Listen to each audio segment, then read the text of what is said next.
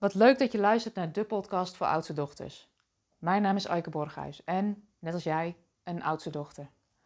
En in deze aflevering wil ik het met je hebben over waarom keuzes maken soms zo lastig is. Waarom keuzes maken misschien soms wel pijn doet. En dat heeft ermee te maken dat als je een keus maakt, je daarvoor een prijs betaalt. En dat willen we vaak niet. Want pijn of een prijs betalen om iets los te laten, die vermijden we vaak. Maar weet dat het belangrijk is dat als je een keus wil gaan maken, dat het nodig is om het een los te laten, om ruimte te maken voor het andere. En de valkuil die veel oudste dochters maken, is dat we vooral gericht zijn om te kijken naar de prijs die we betalen als we dingen anders gaan doen. En dat we eigenlijk onvoldoende focus hebben of gericht zijn op wat de winst is die zo'n keuze op langere termijn ook gaat opleveren. En ik neem je even mee naar uh, de momenten waarop ik voor een wat grotere keuze stond. Een van die keuzes is in 2016. Um, ehm, toen merkte ik dat mijn bedrijf begon te lopen en ik tegelijkertijd ook nog een baan in loondienst had als wijkmanager. Ik moeder was van een gezin. En wat ik toen eigenlijk diep van binnen wel voelde, is dat ik mijn baan wilde opzeggen. Ik had een goed betaalde baan, uh, arbeidsvoorwaarden allemaal prima geregeld. En toch voelde ik dat het knaagde. Ik voelde aan alles in mij dat ik eigenlijk de stap wilde zetten uh, om mijn bedrijf verder uit te bouwen. En ik durfde heel lang niet te kiezen. Ik durfde niet te kiezen omdat ik bang was. Ik was bang dat ik de verkeerde keuze zou maken. Dat ik um, mijn gezin niet zou kunnen onderhouden. Dat ik mijn bedrijf niet van de grond zou krijgen. Dat ik uh, geen pensioen zou opbouwen. Ik was bang dat ik geen collega's meer zou hebben, dat ik helemaal alleen zou blijven. Ik was bang dat niemand op me zat te wachten. En al die redenen hebben me een tijd op een plek gehouden waarin ik niet durfde te kiezen voor wat ik echt wilde. En ik heb het daar al wel vaker over gehad, maar het is nodig als je verandering teweeg wil brengen, dat je wel kiest. Dat je een besluit neemt. Dat je een besluit neemt dat je, als je echt trouw bent aan jezelf, dat je in beweging gaat komen. Want als je die keus niet maakt, dan blijf je zitten waar je zit. En blijft het altijd een beetje knagen van had ik maar. Dat zijn vaak achteraf van die dromen van als ik toen wel de stap had gezet, had ik bepaalde ervaringen wel gehad, had ik bepaalde avonturen wel beleefd. Had ik misschien een aantal grote dromen wel uit laten komen, die nu niet zijn uitgekomen. Het helpt vaak om te beseffen dat ehm, je je eindplaatje nog niet helemaal helder hoeft te hebben.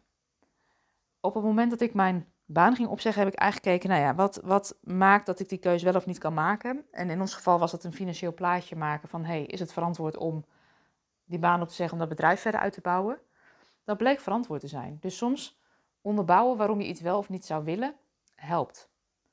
Mijn ervaring is ook bij het maken van een keus, is dat je lijf al lang heeft gereageerd. Als je nadenkt over een keus, wat gebeurt er? Open je of sluit je?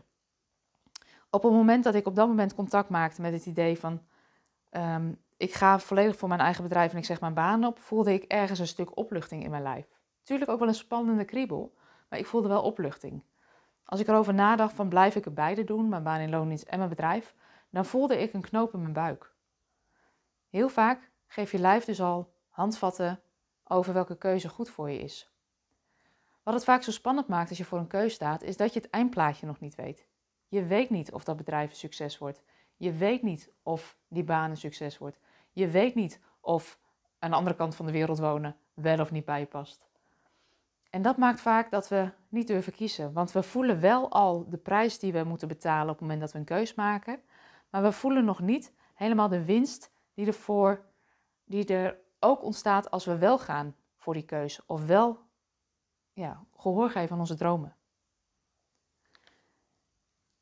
Belangrijk is denk ik om te weten dat als je iets echt wil, dat je een prijs betaalt en dat het erbij hoort.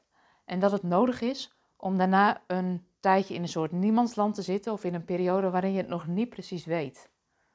Wat daarin heel erg helpend kan zijn, is dat je wel een globaal beeld wilt van wat je zou willen. Ik wist bijvoorbeeld dat ik veel meer mensen wilde helpen als dat ik kon doen in mijn baan in loondienst. Ehm, maar hoe die weg eruit zou zien, dat, die hoeft er nog niet helemaal helder te zijn. En mijn ervaring iedere keer is als ik dit soort spannende stappen zet, is dat het iedere keer gaat om welk kleine stapje kan je wel zetten, waardoor je in beweging blijft. Want als je iedere dag dat kleine stapje zet, dan merk je dat je op lange termijn wel uh, richting je droom gaat. En dat hoeft ook niet in een lange rechte weg. Het is juist fijn om af en toe een afslag te nemen en te ontdekken, oh, dit is niet helemaal de goede weg. En dan een paar passen opzij te zetten en weer door te gaan met het onderzoeken van die droom. Weet dat als je voor een spannende keus staat, dat die prijs die je betaalt erbij hoort.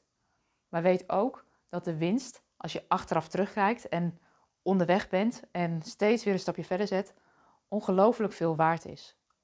Want je bent niet meer dezelfde die je was als toen je de knoop doorhakt of toen je de keus maakte. En dat is ook de bedoeling. Want door te kiezen, door te doen wat je spannend vindt, ga je ruimte maken voor ontwikkeling. Ga je ruimte maken voor groei. Ga je ruimte maken voor nieuwe ontdekkingen, nieuwe avonturen. En daar zit volgens mij ook de levensenergie. Het leven wil geleefd worden. Ik snap dat het lastig is om die keus te maken, maar ik denk dat het kan helpen dat je weet dat je een prijs betaalt op het moment dat je een spannende keus maakt. Maar dat de winst die het oplevert als je onderweg gaat, met vallen en opstaan, met mooie en minder mooie momenten, maar dat je groeit als mens. En dat dat alleen al de moeite waard is. En wat mij af en toe helpt of wat me bevrijdt, is dat ik altijd opnieuw mag kiezen. Dat ook onderweg, als je voelt dat je een andere afslag wil nemen, dat dat gewoon kan. We zijn aan het einde gekomen van deze podcast, waarin we het hebben gehad over waarom keuzes maken pijn doet en waarom we die pijn graag willen vermijden. En wat het je oplevert als je wel die stappen zet en wel in beweging komt. Merk je nou bij jezelf dat je eigenlijk ook toe bent aan een volgende stap en durf je nog niet zo goed? Maak dan eens een afspraak voor een persoonlijk adviesgesprek.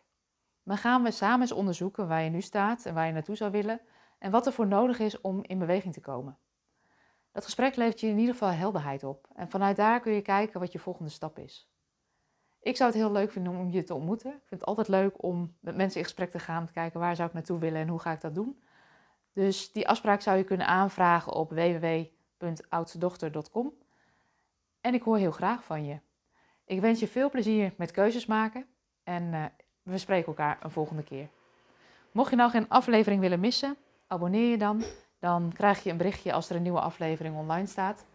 En ken je nou ook oudste dochters voor wie deze podcast ook interessant is? Stuur hem dan door. Je helpt mij daarmee om nog meer oudste dochters te bereiken.